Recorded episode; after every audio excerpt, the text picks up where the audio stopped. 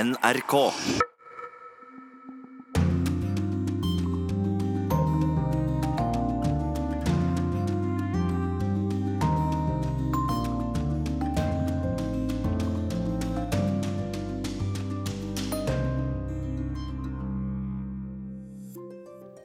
Det stunder mot helg. Klokken er 11.03, og du hører på NRK Radios Urix på lørdag, der dagens sending vil bære preg av drama. Uavhengighetsdrama i Catalonia, kurderdrama i Nord-Irak og terrordrama i Vest-Tyskland, riktignok for 40 år siden. Vi skal snakke om morgendagens innsamlingsaksjon i NRK til inntekt for Unicef, og altså da barn i nød i krig.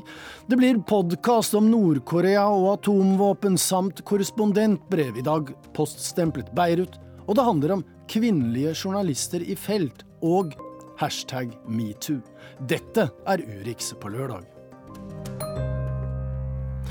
I Spania kom regjeringen sammen til et krisemøte nå klokken ti. Hensikten med dette møtet er å påbegynne arbeidet med å stanse Catalonias uavhengighetsprosess og sette regionen under administrasjon ved blant annet å annullere noe av det selvstyret Catalonia tross alt har. Og aller først, Philip Lote, vår europakorrespondent i Barcelona. Har det skjedd noe som har lekket ut på dette regjeringsmøtet til nå? Den siste oppdateringen som er kommet, er uh, rett og slett at statsminister Ahoy har sagt at han uh, vil gjøre det han uh, trenger å gjøre for å bringe Catalonia tilbake til lovlighet, altså til, sånn at regionen igjen styres innenfor loven, er det han har sagt. Og så er det ventet at han vil ha en pressekonferanse tidlig i ettermiddag, kanskje klokken ett om hvordan han har tenkt å bruke denne artikkel 155 i Grunnloven. Eh, grunnloven som da ble eh, innført i 1978 etter Frankos død. og da, og Dette er da en paragraf som aldri har blitt brukt før, så man lurer veldig på hvilke, hvordan dette skal gjøres. Slik at uh, Dette er en politisk marsj i totalt ukjent terreng som man må faktisk prøve seg fram litt? Her har Spania aldri vært før. Eh, og den, Artikkel 155 kan brukes på flere måter, og den kan også brukes gradvis. Eh, det det blir snakk om er at De kan overta den finansielle kontrollen over regionen. altså De vil styre Catalonias økonomi helt og holdent. Eh, de kan da også overta administrasjon og byråkratiet i, samme, i denne forbindelse. Og de kan også overta det regionale politiet, Mossos, altså en styrke på 16 000 mann som da er en annen politistyrke enn den eh, spanske nasjonale sivilgarden. Eh, og dette er selvsagt eh, betent, for dette er en politistyrke som først og fremst føler lojalitet til Catalonia, og som også har en ganske solid standing og popularitet blant katalanerne. Og til slutt så er det også snakk om at de kan overta, og dette er meget sensitivt, Eh, kontrollen over den offentlige kringkasteren i eh, Catalonia, det er da Radio Catalonia og eh, TV3, eh, som de mener har fungert som et propagandaverktøy for den katalanske regjeringen. og dette er sensitivt også fordi at katalanerne opplever at de spanskspråklige mediene har vært propagandaverktøy for Spanias regjering. Og det har vært et slagord som har litt gjentatt flere I hver eneste demonstrasjon her under når spansk TV har gått direkte for demonstrasjoner, så har da katalanske avhengighetsforkjempere eh, stilt seg opp bak eh, disse reporterne som står og rapporterer direkte, og, og ropt eh, 'Pressa Espania manipuladora', altså at det er manipulatører. og Disse gjenklagene går fra begge sider. Så dette er veldig sensitivt hvis da regjeringen i Spania griper inn overfor den katalanske offentlige kringkastingen. Men kort til slutt, Filip Lote i Barcelona. Eh, for noen dager siden så ble det gjort klart fra EU at eh, katalanerne kan ikke vente seg særlig hjelp derfra. Eh, begynner nå noe av denne uavhengighetsbegeistringen å kjølne litt, eller, eller, er det slik at ytre motstand gir indre samhold, og at katalanerne har aldri vært mer konsolidert om uavhengighet enn nå? Den harde kjernen av uavhengighetsforkjempere vil nok nå prøve å, å, å samle seg, og, og at eh, bl.a. arrestasjonen av disse lederne for disse frivillige organisasjonene som eh, har vært spydspisser for uavhengighetsbevegelsen, disse arrestasjonene det vil bidra til å samle eh, spesielt den harde fløyen av eh, uavhengighetsforkjempere. Men det er helt klart at en del vanlige mennesker begynner å, å gå lei, eh, og så har de få virkemidler igjen. Hvis artikkel 155 blir iverksatt, da mister de jo styringen over egen region. Og da er det jo dette å kunne mobilisere i gatene som er jo det våpenet uavhengighetsbevegelsen har. Og i ettermiddag rundt klokken fem så er det varslet eh, en større demonstrasjon eh, i Barcelona. Det var Philip Lote fra Barcelona, definitivt ikke for siste gang. Men vi skal til et annet eh, dramatisk politisk terreng, den såkalte islamske staten IS har jo tapt nettopp det, altså. Geografisk terreng den siste tiden. Raqqa i Syria, Kirkuk i Irak. De er ikke lenger kontrollert av denne terroristbevegelsen. Dessverre så viser det seg at når IS er borte, så oppstår det nye fronter, og Irak, i landet der, kjemper nå altså irakerne og kurderne mot hverandre, der de tidligere sammen bekjempet IS-fienden. Og korrespondent Sissel Wold, du befinner deg nå i grenselandet mellom Erbil og Kirkuk i Nord-Iran, nær den nye frontlinjen. Og hvordan er det akkurat der du er nå? Ja, jeg er på en peshmerga-base, en militærbase der eh, soldatene gjør seg klar til nye slag. Eh, stemningen her er relativt god, selv om peshmergaene har jo virkelig tapt militært. Men de sier at vi forholder oss til vår leder Barzani og venter på at han skal snakke. Fordi Barzani har jo ikke sagt et eneste ord siden Kirkuk falt. Før det sa han at Kirkuk må eh, forsvares til enhver pris. Mens eh, peshmerga-soldatene her de hadde store tap i går, og de er klare til å forsvare de nye frontlinjene. Men du, denne, eh, denne, kurdiske lederen som du nå henviser til, var altså mannen som sto bak denne folkeavstemningen, som viste seg kanskje å være et eh, politisk feilgrep. Er det ingen som vender seg mot ham nå da?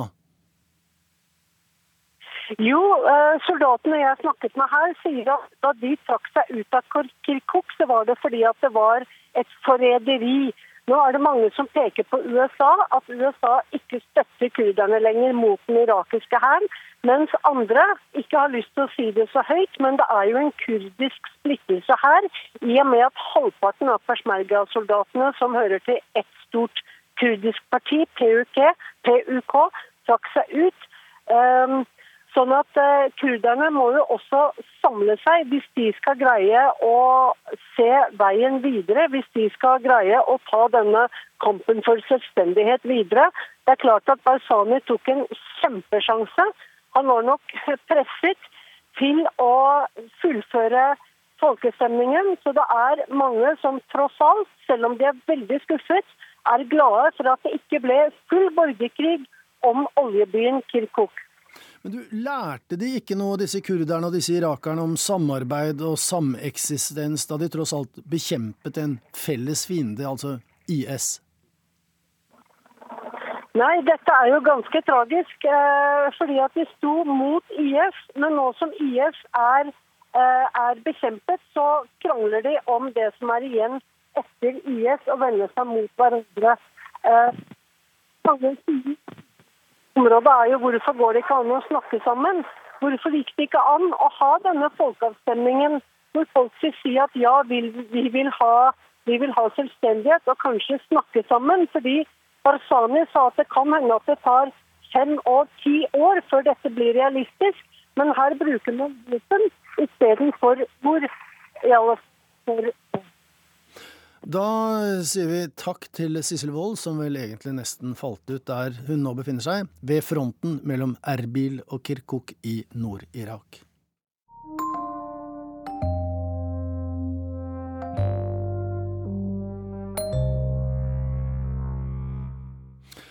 Da skal vi til Tyskland, der et helt spesielt fly i forrige måned landet i Friedrichshaven helt syd i landet. Inne i den gigantiske Antonov 124-maskinen som kom fra Brasil, var det et rustent, gammelt Boeing 737-fly. I mange år hadde det vært benyttet som transportfly eh, innenriks i Brasil, før det ble plassert på en slags eh, flykirkegård for noen år siden. Dette flyet tilhørte opprinnelig Lufthansa. Den gang ble det kalt Landshot, og det ble kapret av fire palestinere i 1977, for altså 40 år siden, i en av de mest spektakulære og skremmende terrorhandlingene i sivil tysk etterkrigshistorie, i det som er blitt kalt den tyske høsten, altså Deutscher Herbst. Okay. This is Captain Mata Mahmoud. Sit down, don't move. This plane is under my command. De palestinske kaprerne handlet på oppdrag fra sine tyske meningsfeller i Råte Armee-fraksjon. Kravet var at de 86 passasjerene ville bli frigitt straks de fengslede kaprerne i RAF, eller Bader-Meinhof-gruppen til daglig, ble løslatt. Kapringen av Landshot må sies å ha vært en enda mer desperat handling enn selv kapringer flest var på de tider. For seks uker tidligere hadde gjenværende terrorister i Rotarmé-fraksjonen kidnappet den vesttyske Arbeidsgiverforeningens president Hans Martin Schleier og stilt samme krav om fangebytte. Schleier vil bli satt fri når Andreas Bader, Gudrun Enslin og Jan Karl Raspe var løslatt. Men myndighetene sa nei, og hadde holdt fast ved sitt nei i ukevis. Das Bundesverfassungsgericht hat den Antrag abgelehnt, mit dem die Regierung gezwungen werden sollte, auf die Forderungen der Terroristen einzugehen. Etter at Ulrikke Meinhof døde i et angivelig selvmord året før, var Bader, Enselin og Raspe samfunnsfiender nummer én, to og tre. Terrorgruppen hadde vokst ut av det generelle studentopprøret på slutten av 60-tallet, og de protesterte blant annet mot at Vest-Tyskland ikke hadde tatt noe reelt oppgjør med sin nazifortid. Men disse opprørerne gikk videre. De væpnet seg, aksjonerte og terroriserte hjemlandet i årevis. De sto bak en rekke bankran og kidnappinger. De hadde drept mer enn 30 mennesker, og regjeringen i Bonn var opptatt av at bevegelsen skulle knekkes for enhver pris. Og med 86 gisler i et fly, som etter hvert sto på rullebanen i Mogadishu i Somalia, var situasjonen en annen. Men med tysk grundighet fikk forbundsrepublikken fløyet en gruppe spesialsoldater til Afrikas Horn. De greide å ta seg inn i flyet, de drepte tre av kaprerne og reddet alle gislene, minus flykapteinen som var blitt likvidert. Beim Sturm auf die Maschine in Mogadischu durch eine deutsche Spezialeinheit wurden drei Terroristen getötet und eine Luftpiratin angeschossen. Det er i disse dager 40 år siden de dramatiske begivenhetene. Da det ble kjent at kapringen av Landshut den gang var over, tok de tre terroristene i fengselet i Stuttgart sine egne liv. Angivelig i ren desperasjon fordi alt håp da var ute. Fremdeles stilles det spørsmål ved hvordan Bader og Raspe kunne ha våpen på cella. Og Enslin, som hadde sverget på at hun ville etterlate seg et brev som bevis på at det virkelig var selvmord, hun døde uten en slik siste hilsen. Noch in derselben Nacht haben sich in Stammheim die führenden deutschen Terroristen Bader, Raspe und Enslin das Leben genommen. Da de tre ikke lenger var i live, hadde ikke den tidligere SS-offiseren, arbeidsgiverpresident Hans Martin Schleier, lenger noen bytteverdi for terroristene. RAF tok derfor livet av ham som en blanding av hevn og straff, og varslet myndighetene om at han lå i bagasjerommet på en Audi utenfor byen Mulhouse i Frankrike. Guten Abend, meine Damen und Herren. Sechs Wochen nach seiner Entführung durch Terroristen in Köln ist Arbeitgeberpräsident Hans-Martin Schleyer heute Abend ermordet aufgefunden worden. Bader-Meinhof hadde i utgangspunktet en antikapitalistisk og antiimperialistisk målsetning, så mange venstreradikalere hadde en viss politisk sympati med dem. Så de fikk hjelp til å rømme, skjule seg og slippe unna. Den franske filosofen Jean-Paul Sartre oppsøkte Bader i Stamheim-fengselet, og Odd Nerdrum malte et politisk protestbilde av Bader som martyr og offer, et maleri som han provoserende nok kalte Mordet på Andreas Bader. Dødsfallene i Stamheim markerte slutten for Bader-Meinhof, selv om Rotarmé-fraksjonen eksisterte i nesten 20 år til. Som apropos så fikk den overlevende palestinske kapreren fra Landsot, Sohaila Andraves, etter hvert et nytt og til dels kontroversielt opphold og liv i Norge. I dag er alt dette historie. Symbolisert ved at det kaprede flyet nå er brakt hjem til Tyskland, der det altså skal på museum, til minne om en ikke altfor fjern, men akk så dyster fortid.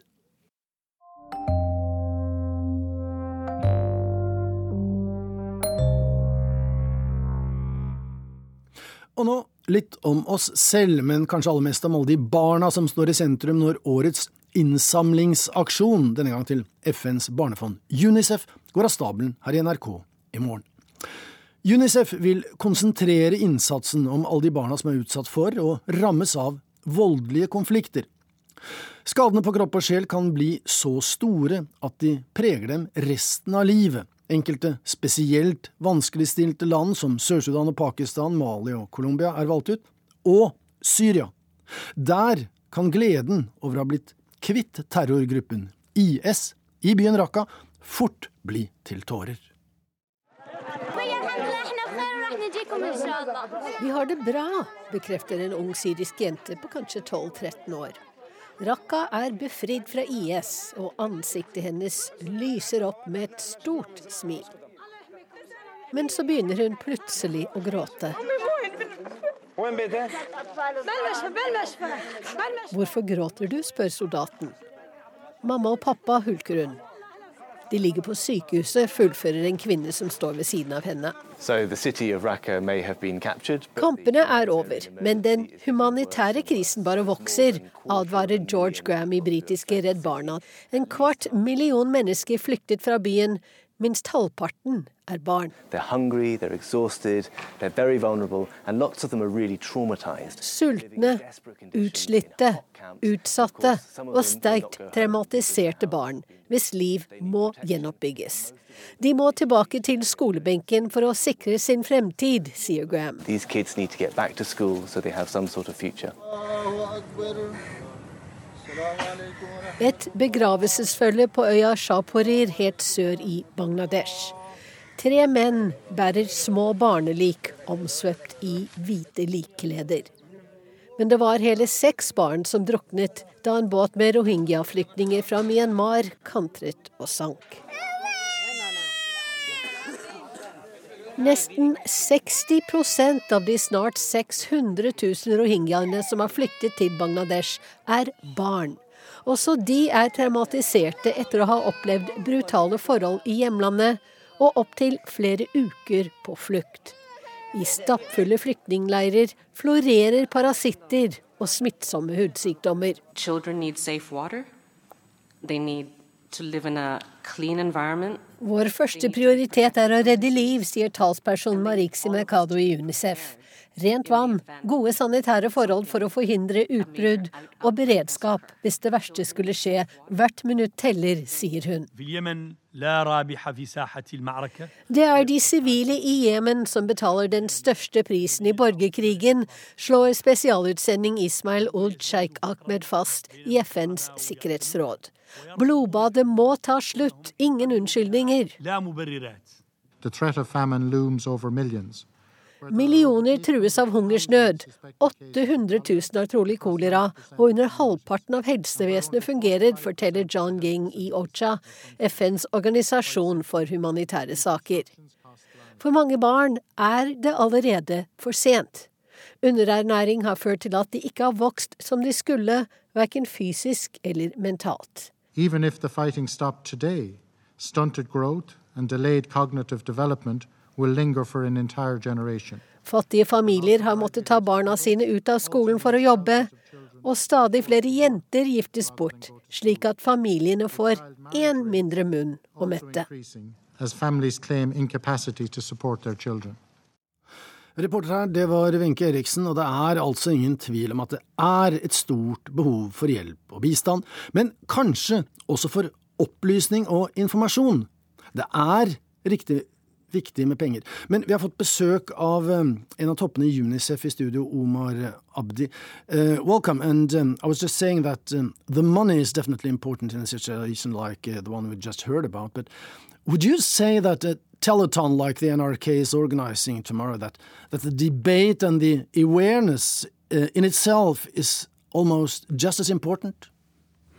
Absolutely, and um, and thank you. You are first of all an NRK for giving us this opportunity to discuss um, this issue on the telethon. As you've said, um, it is very important, and we are very proud of the volunteers and the donors that are going to contribute to uh, education and to children uh, worldwide. I think this is unique in terms of the number of children, that uh, number of uh, families that are going to be reached uh, by the telethon, um, and we congratulate Norwegians for, for this effort.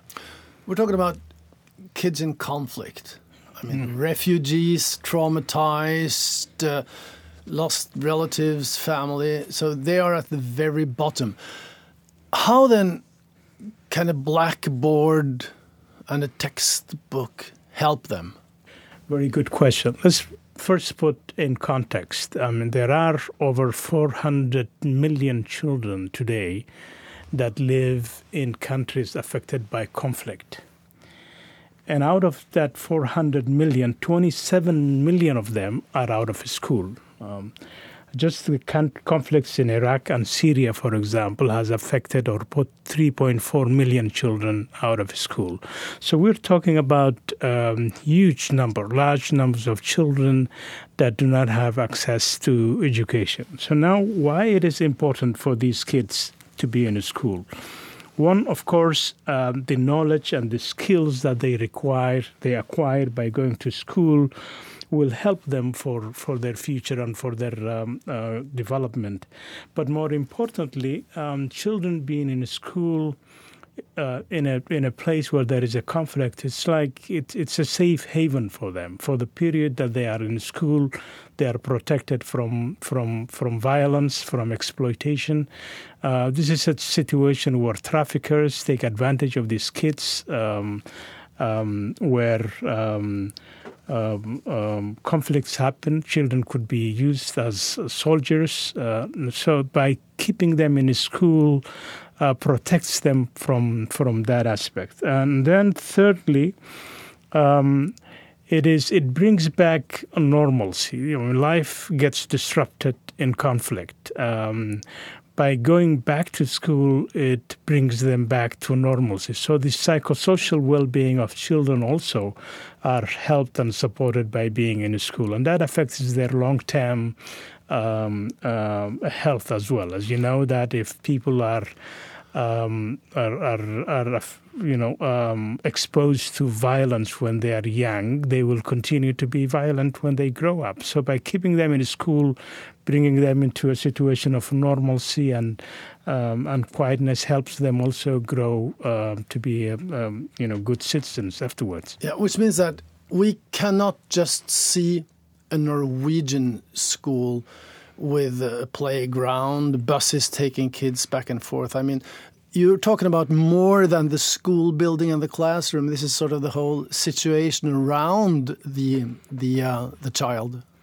Exactly. And this is um, a place where they also get food at times, sort of. Um, uh, school feeding is one aspect of it, uh, the counseling that we have talked about. And when we're talking about the school, it's not just a building or an infrastructure, it could be under a tree. Um, uh, it could be in a shed, you know. It's um, but as long as there is a teacher with them, they get materials that they can learn uh, with. Uh, that helps them.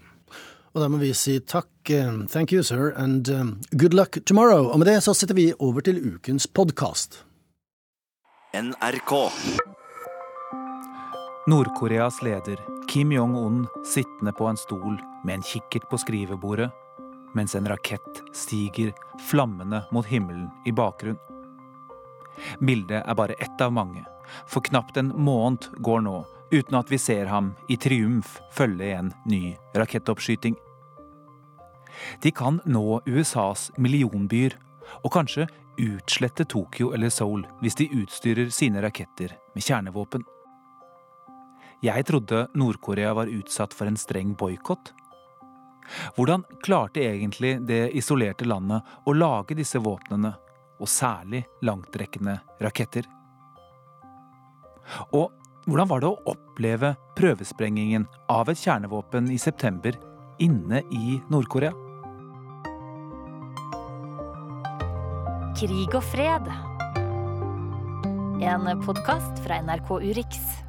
광명성 3호 2호기 위성 발사 성공!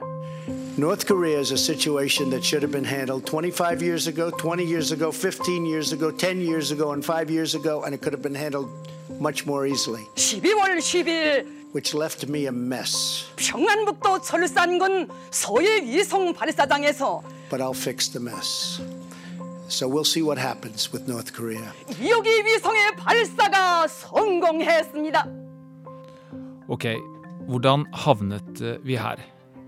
Én ting er at eh, Donald Trump har blitt president i eh, USA, men han har rett i at dette ikke er et problem som begynte med ham. Nord-Korea har tatt noen teknologiske sjumilssteg den siste perioden. Det fins mange teorier om hvordan de har klart det. Jeg er nysgjerrig på særlig to av dem.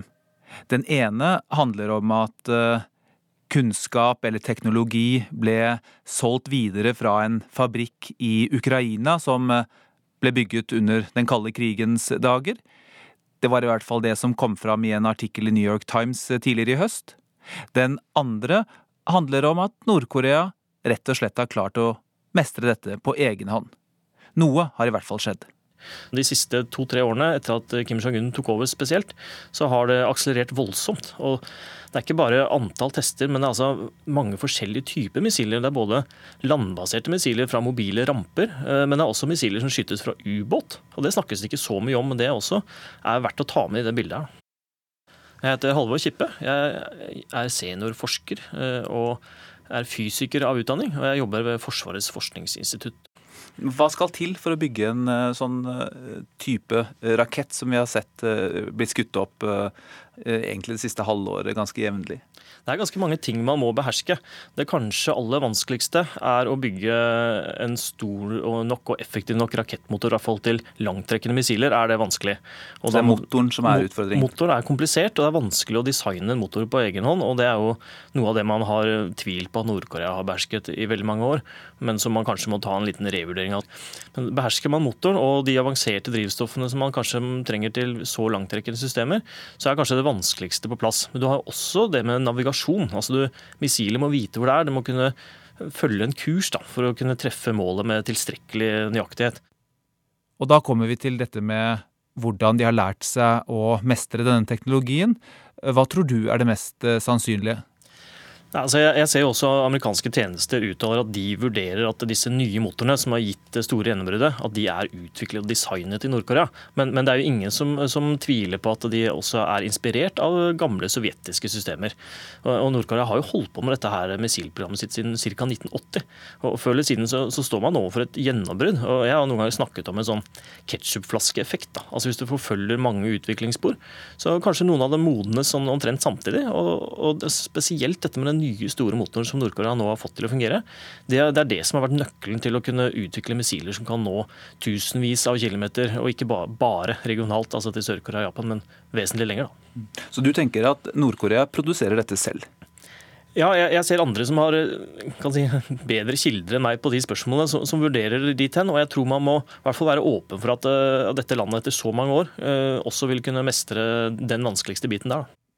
Samtidig har det vært uh, arrestasjoner av mistenkte nordkoreanske agenter i Ukraina. Det var et fly med spesialister som ble stanset, som skulle fly ut av Russland eh, en god stund tilbake, i 1992.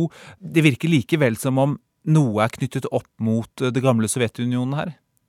Ja, det stemmer. og Det er, det er masse som, som har, særlig som de har brukt tidligere, som har sitt opphav i Sovjetunionen. Og spesielt eh, en motor som de har slitt med å få til å fungere, Nord-Korea, den har sitt opphav i, i et sånn ubåtbasert uh, missil som, som, Sovjetunionen benyttet på 60-tallet. Uh, og den motoren har Nord-Korea antagelig nå gått bort fra fordi de har fått denne nye til å fungere.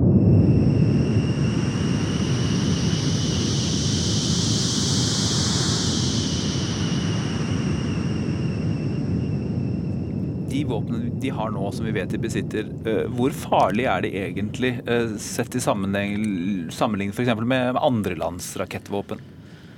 Da tenker du på gitt at de har en kjernefysisk nyttelast? Eventuelt. Ja, for det, de har jo så mange missiler at de har ikke nok kjernevåpen til alle. Men så det vil jo antagelig være høyeksplosive stridshoder på, de, på de, våpnene, de missilene som ikke har kjernevåpen. Men det kjernevåpenet de testa nå i september, det hadde de, altså min vurdering av sprengkraften på det er 100-200 kilotonn. Uh, altså rundt ti ganger kraftigere enn de bombene som ble sluppet over Hiroshima og Nagasaki i 1945. Andre vurderer det til enda kraftigere. Uh, så det er kraftig nok til å være relevant for et missil som kan eh, ramme amerikanske storbyer, for å si det på den måten. Og Hvor mye ville være igjen f.eks. av Oslo, da, hvis, hvis et, et, et, sånt missil hadde truffet, uh, truffet uh, vår hovedstad?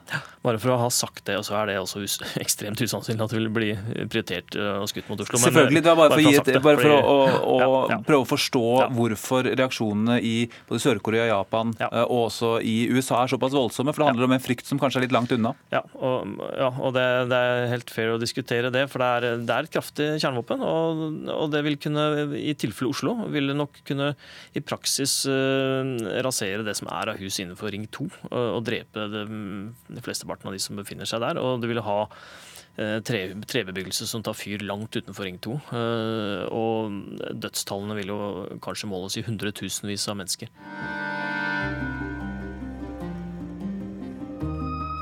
Jeg synes det er mye informasjon som eh, flyter rundt, og det kommer stadig nye nyhetssaker om eh, forskjellige typer eh, tester og da denne prøvesprengningen. Men hva vet vi egentlig om hva slags type og hvor mye våpen de egentlig besitter? Ja, Vi kan estimere litt hvor mange stridshoder de kan ha satt sammen. Nå er det også sånn at man man ønsker jo å forsikre seg om at den kjernevåpendesignen man har, fungerer godt. Og det, det forsikrer man seg om ved å gjøre tester. Og de, de har til nå vært gjort under bakken i Nord-Korea. Eh, og Derfor vil det også være ufornuftig for en stat som Nord-Korea å bruke opp alt det spaltbare materialet sitt, altså uran og plutonium, på å sette sammen eh, noen våpen de ikke helt vet om vil virke.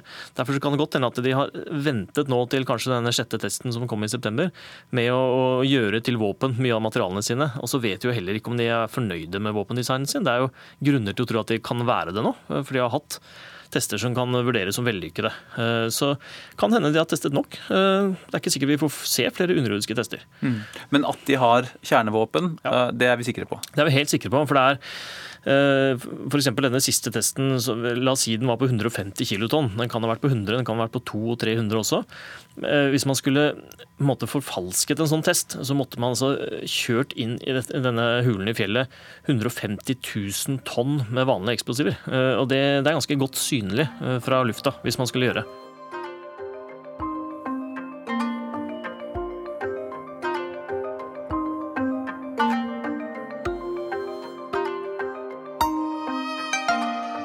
Vi hadde vært uh, ute på en sånn tidlig ekskursjon uh, fra ni om morgenen, og så var vi tilbake på hotellet rundt klokken elleve. Og så hadde jeg sovet veldig dårlig den natta, så jeg uh, hadde tenkt å ta meg en liten dupp. Og så plutselig så begynte hele hotellet å riste, og sengen min rista. Og jeg tenkte at nå er det jordskjelv. Men jeg har aldri hørt om jordskjelv her. Mitt navn er Henrik Plakt. Jeg er uh, Oslo-gutt. Jeg er utdannet fra Kunstakademi Bergen og Berlin. Kunstmaler. Bor uh, på Holmlia i Oslo. Og jeg dro til Nord-Korea for å treffe nordkoreanske kunstnere.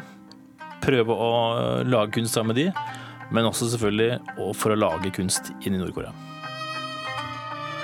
Eh, så jeg skrudde på TV-en, og så sto det annonsert at, eh, at eh, regimet ville holde en pressekonferanse om en halvtime, fordi det er oppdaget et eller annet stoff som gjør at det, var, det kan være et, en atomprøvesprengning i bakken.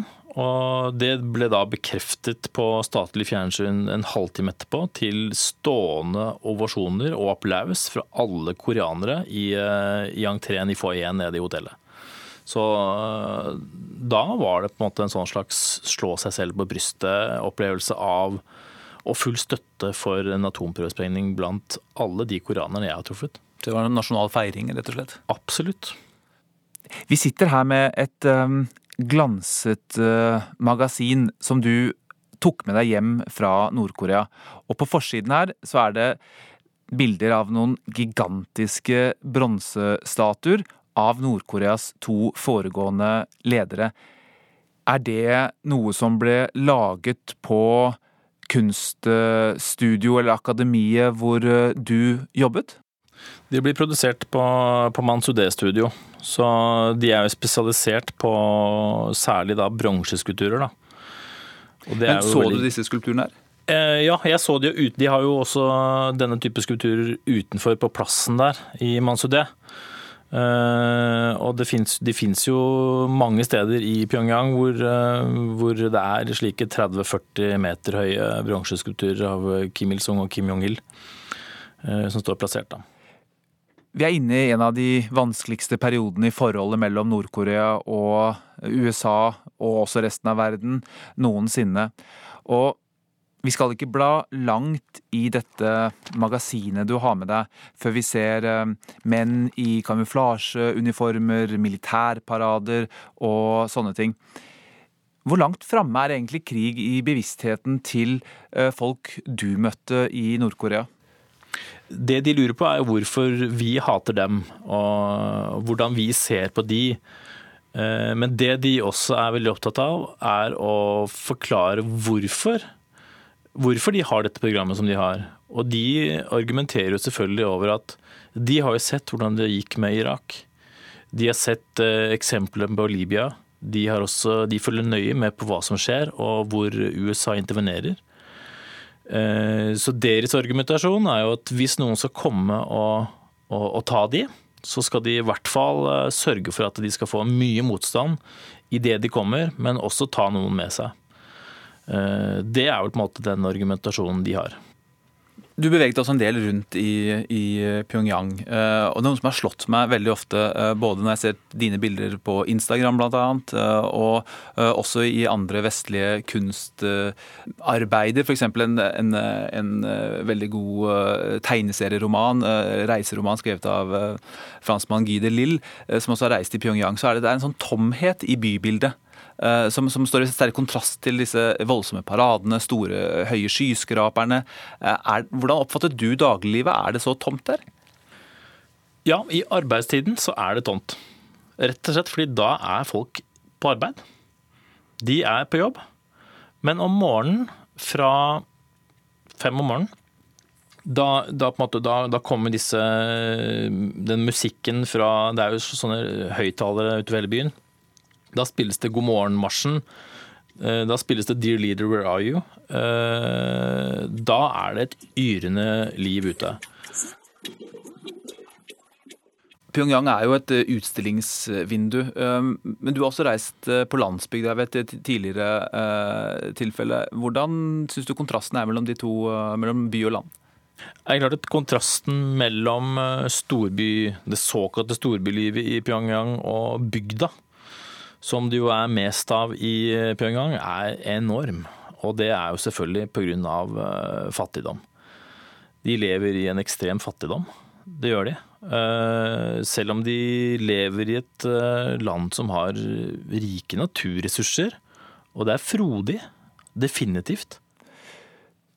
Du reiste dit for å lage kunst sammen med nordkoreanske kunstnere, og det på invitasjon fra regimet. Eh, hvordan var det egentlig i, i, praksis? Det første møtet var rett og slett bare at man begynte å diskutere litt mer sånn tekniske ting. Eh, og jeg hadde også med meg akvarellsaker og, og godt papir. Så når jeg på en måte fikk muligheten til å få en liten arbeidsplass, så valgte jeg umiddelbart å sette meg ned sammen med de nordkoreanske kunstnerne. Og begynte rett og slett bare å male. Og det tror jeg de syntes var så OK. Fordi da var jeg på en måte Da jobbet jeg jo sammen med de. Og de satt jo og gjorde sine ting. Det var en fyr som satt siden av meg som lagde eh, blomstermalerier. Og en annen som satt og lagde noen landskapsmalerier. Og så satt en kar og lagde noen portretter. Og så begynte jeg med mine abstrakte ting. Og plutselig så begynte alle å sette seg rundt meg for å følge med på hva jeg holdt på med. Og flere kom til. Til slutt så var jeg omsvermet av eh, alle de kunstnerne som var i den etasjen. Og så måtte jeg få en tolk dit og eh, prøve å fortelle litt om hva det var jeg holdt på med. fordi de har jo aldri sett abstrakt kunst før. Og ut av det så kom det utrolig mange fine faglige samtaler, og det var en utrolig nysgjerrighet blant nordkoreanerne omkring hvorfor jeg i det hele tatt holdt på med dette her. og hvordan jeg kunne leve av det der hvor jeg kom fra. Måte, vi snakket både om økonomiske aspekter, politiske aspekter, poetiske aspekter, historiske perspektiver. Så det ble på en måte en eh, Det ble dannet et veldig sånn fint grunnlag for å diskutere deres kultur versus min kultur. Hva er felles, hva er ulikt? Eh, men også deres historie, min historie. Og alt det propagandamaterialet av bilder og videoer som eh, produseres i Nord-Korea, det studeres og brukes også her i Norge, bl.a. av deg, Halvor Kippe. Fordi dette er en viktig kilde eh, i ditt arbeid for å finne ut eh, hvor langt regimet har kommet i arbeidet med forskjellige våpentyper. Ja, så Det er jo blant de kildene vi har. da. Men Hva kan man finne ut av et sånt bilde? Ja, det er jo f.eks. hvordan ser skroget ut? Er det synlige bolter? Eh, er det ikke synlige bolter, så er det tegn på at det er et avansert skrog. Eh, er det styrefinner eh, på halepartiet, eller er det ikke det? Det er mer avansert hvis du ikke har det. Er det hjelpemotorer? ikke sant? Kan man se hvor, hvor de forskjellige trinnene på missilet er? ved hjelp av Se på sånne skiller mellom de trinnene. Hva er fasongen på tuppen på missilet? ikke sant? Det kan man slutte en del ting ut fra. Hva da? Ja, altså, hva, altså, Hvordan det vil takle møtet med atmosfæren da, etter hvert ute i verdensrommet. Og, og kanskje også dimensjonene. altså Hvor, hvor mye plass er det inni dette her? ikke sant? Mm. Uh, og når, Nord-Korea har sånne militærparader, der er det jo også mange av disse rakettene uh, og systemene som vises fram. Er det noe dere også bruker til i den tolkningsjobben dere holder på med? Ja, og dette blir jo gjenstand for veldig intens internasjonal debatt. Da. Man henger seg opp i ulike ting, og noen henger seg jo opp i at det er ting som rulles rundt, da, at det ikke ser ferdig ut. Og det er det jo heller ikke. Man, man ruller jo ikke rundt med skarpe missiler. Det ville vært uforsvarlig. Uh, men man ruller kanskje rundt med, med ting som er under utvikling, og noen av de systemene blir blir kanskje aldri testa fullt ut, men de, de er på sånn prototypstadium. Og de viste fram noen bilder fra et besøk Kim Jong-un gjorde nå for noen uker siden i en sånn eh, fabrikk for eh, ja, missiltanker og litt forskjellig. Eh, og der var det noen plansjer i bakgrunnen som så ga et hint om at den kan komme et ubåtmissil med lengre rekkevidde. Eh, dette ubåtmissilet heter Pukguksong 1, og så finnes det en landbasert variant som heter Pukguksong 2. Og Det de viste fram på plansjen, var bare en tegning, det var ikke et bilde, men en, en, nærmest en plantegning av Pukguksong 3. Og da, Hvis man tror at de, de har en sånn uh, utvikling at det stadig blir mer langtrekkende, og at dette er basert på de foregående, så, så vil det da enten være et ubåtmissil med lengre rekkevidde eller et landbasert missil med lengre rekkevidde. Og det var vel ikke tilfeldig at de tegningene var på den plansjen bak der? Det var neppe tilfeldig, men det sier jo også veldig lite om når det kommer. Og jeg har lært meg å ikke si noe sikkert, altså om dette kommer i overmorgen eller om det kommer om fem år. Det, det tør ikke jeg å gjette på, rett og slett.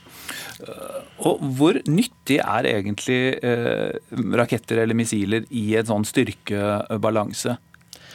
Ja, det er jo det De etablerte kjernevåpenmaktene lener seg jo på dette her. Altså Storbritannia er jo et, et, eksempel på en kjernevåpenmakt. og De har utelukkende missiler som avfyres fra ubåt.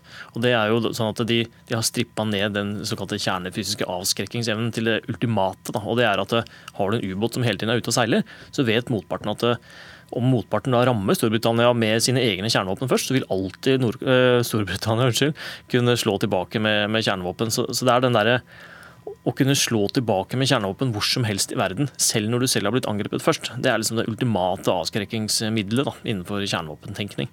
Og så er det da en del mellomløsninger hvor man ikke har dette her, hvor man må ha landbaserte missiler. da. Det er vel den mellomløsningen nordkoreanerne eh, sikter seg imot i første omgang? Ja, og hvor de har kommet langt.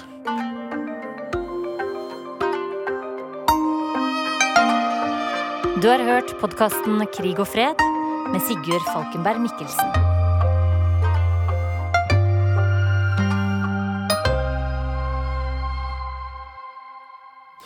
Da er vi fremme ved korrespondentbrevet, skrevet i Beirut av Kristin Solberg. Stikkord kvinnelige journalister i felt og hashtag metoo. Jeg husker en allé like ved der jeg bodde. Jeg hadde sett dem før, motorsyklistene i gaten, de var et stykke unna. Så var de der plutselig, rundt meg, omringet meg. De var mange, kanskje fire, jeg husker ikke lenger, jeg husker bare hendene deres og frykten min. Og jeg husker latteren idet de kjørte bort, gråten min. Det var Kabul i 2011. Jeg husker en soldat, våpenet hans slang et sted ved hoften. Jeg hadde merket blikket hans, trukket meg unna, jeg gjør det, aner slik fare så lett. Plutselig var han der likevel. Et kvelertak, armen hans forhindret meg i å puste. Bare et bilde, men det ble tatt med vold. Det var Mosul i 2017. Jeg husker et viktig intervju med en mektig mann. Han førte meg inn i et rom, det sto en seng der, det var soverommet hans, jeg var helt alene, og han kalte meg baby. Det var Islamabad i 2010. Når noen spør om jeg er blitt utsatt for noe ukomfortabelt, svarer jeg at jeg har vært heldig. Heldig, for det kunne gått så mye verre, og gjør det også for mange jeg kjenner. Heldig fordi det er blitt normalt å måtte tåle, å måtte begrense friheten sin utelukkende fordi man er kvinne. Mange menn har den siste uken sagt at de er overrasket over alle som skriver metoo, jeg også, i sosiale medier. Jeg har ikke hørt samme reaksjon fra en kvinne. Vi vet det, vi lever i det. Jeg også, så klart. Listen er lang, den kunne fylt et helt korrespondentbrev og mer til, men det i seg selv har ingen hensikt. Jeg er utsatt til jobben, der jeg reiser rundt i de mer brutale hjørnene av kloden. Overgrep og trakassering skjer oftere i samfunn med krig, der volden er normalisert og lovløsheten rår. Det skjer oftere i samfunn der kvinner ellers er mer politisk, sosialt og seksuelt undertrykte. Men det skjer overalt, over hele verden, hele tiden. Jeg har egentlig ikke særlig tro på kampanjer som metoo. Hashtagger blir ofte så banalt. Så lette å skrive, så lette å glemme. Jeg ser de positive sidene ved kampanjen. Man setter det på agendaen. Man viser solidaritet, gjør det lettere for andre å snakke om det. Man gir en indikasjon, til en viss grad, på det enorme omfanget. Kanskje kan det til og med få noen av mennene som har utført dette, til å reflektere over egen oppførsel. Likevel er det noe som gjør at jeg ikke klarer å omfavne det helt. Viser vi omfanget, eller krever vi nok en gang at det er kvinnen som må forklare, utdype? Forteller vi våre egne historier i solidaritet eller for likes? Gir det styrke, eller reduserer det? Og på hvilken måte hjelper det de mange kvinnene som blir voldtatt i løpet av dette korrespondentbrevet, et sted på landsbygda i India eller Afghanistan eller Den sentralafrikanske republikk, i eller utenfor ekteskapet? Spørsmålene mine er mange, og jeg har bare tanker, ingen svar. Men det jeg vet, er dette. Seksuell trakassering eller overgrep skjer ikke i et vakuum, men er del av systematisk kvinnelig undertrykkelse. Det å være kvinne er å være seksuelt og fysisk sårbar, trygge hvis menn bestemmer seg for det, utrygge hvis de bestemmer seg for noe annet. Det er en utrygghet jeg blir minnet på hver eneste dag på jobb. Da jeg bodde i Kabul, talte jeg en gang verbale trakasseringer fra fem ulike menn på 100 meter. Jeg begynte å gå så nær den åpne kloakken som mulig, jeg forandret selve ganglaget mitt, og første gang jeg tok på meg en burka, følte jeg meg paradoksalt nok fri. Da jeg bodde i Delhi, byen som blir kalt Indias voldtektshovedstad, skrev jeg ned registreringsnummeret på bilen hver gang jeg tok taxi, sendte det til en venninne med instruksjoner om å slå alarm hvis hun ikke hørte fra meg innen rimelig tid. Da jeg bodde i Kairo, unngikk jeg Tahrir-plassen, revolusjonens sentrum der kvinner ble gruppevoldtatt uten at jeg hadde følge av én, og aller helst flere menn. Og noen ganger valgte jeg å bli hjemme, selv om det betydde at jeg ikke fikk gjort jobben min. I Islamabad sov jeg med et sverd under hodeputen. Jeg lager ofte reportasjer fra kvinners perspektiv. Det er viktig. De blir så ofte oversett, kvinnene. Samtidig har de så sterke historier om offer, om sorg, om stille heltedåder. Som parentes må jeg si at jeg forteller kvinners historie også, dessverre, fordi det er tryggere for meg selv. Jeg reduserte kildepleie med menn for en stund siden. Det førte så ofte til ubehagelige situasjoner.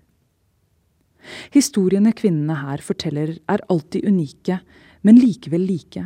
De forteller om overgrep, om trakassering, om utnyttelse, om undertrykkelse. Ofte ikke bare fra én mann, men fra samfunnet rundt dem. Og verdenssamfunnet har sviktet dem. Det er styrken de viser som sitter igjen i meg etter slike intervjuer, ikke at de er ofre. Likevel er det ikke til å komme utenom at de er nettopp det, ofre for globale og lokale samfunnsstrukturer som holder kvinner nede. De er sterkere i landene der jeg jobber, disse strukturene, men de eksisterer så absolutt også hjemme. La meg fortelle en historie. Den canadiske journalisten Amanda Lindhout ble kidnappet på jobb i Somalia i 2008 og holdt fanget i 460 dager. Hun ble mishandlet, nektet mat, truet og voldtatt. Hun ble løslatt mot en stor pengesum, men historien hennes slutter ikke der. Hun stilte spørsmålet ville mine overgrepere ha vært som de var hvis de levde i fred, hvis de hadde utdannede mødre? Og kom til at svaret trolig var nei. Hun startet derfor en organisasjon i Somalia der hun fremmer fred og utvikling gjennom bl.a. utdanningsstipend for somaliske kvinner. Hun startet et prosjekt som støtter somaliske kvinner som er utsatt for kjønnsbasert vold. Hennes historie handler kanskje om overgrep, men mye mer om overlevelse. Om tilgivelse, om å la egne erfaringer bli til et ønske om å gjøre noe for at verden blir litt bedre enn det den er. Hennes historie er intet mindre enn imponerende. Likevel ble Lindauds historie fortalt med følgende overskrifter. Bundet fast, sultet ut, voldtatt. Kanadisk kvinne som var gissel i Somalia, sa hun ble sultet ut, slått, seksuelt brutalisert. Mediene gikk i detaljer om hvordan hun ble voldtatt daglig. En journalist fra et kvinneblad spurte om hun ble voldtatt fordi hun var pen, eller om hun hadde fristet guttene. Mediene reduserte Lindhout fra en overlever med en imponerende evne for tilgivelse til et offer. Fra et selvstendig subjekt som handlet, til et objekt brukt for å få flere klikk.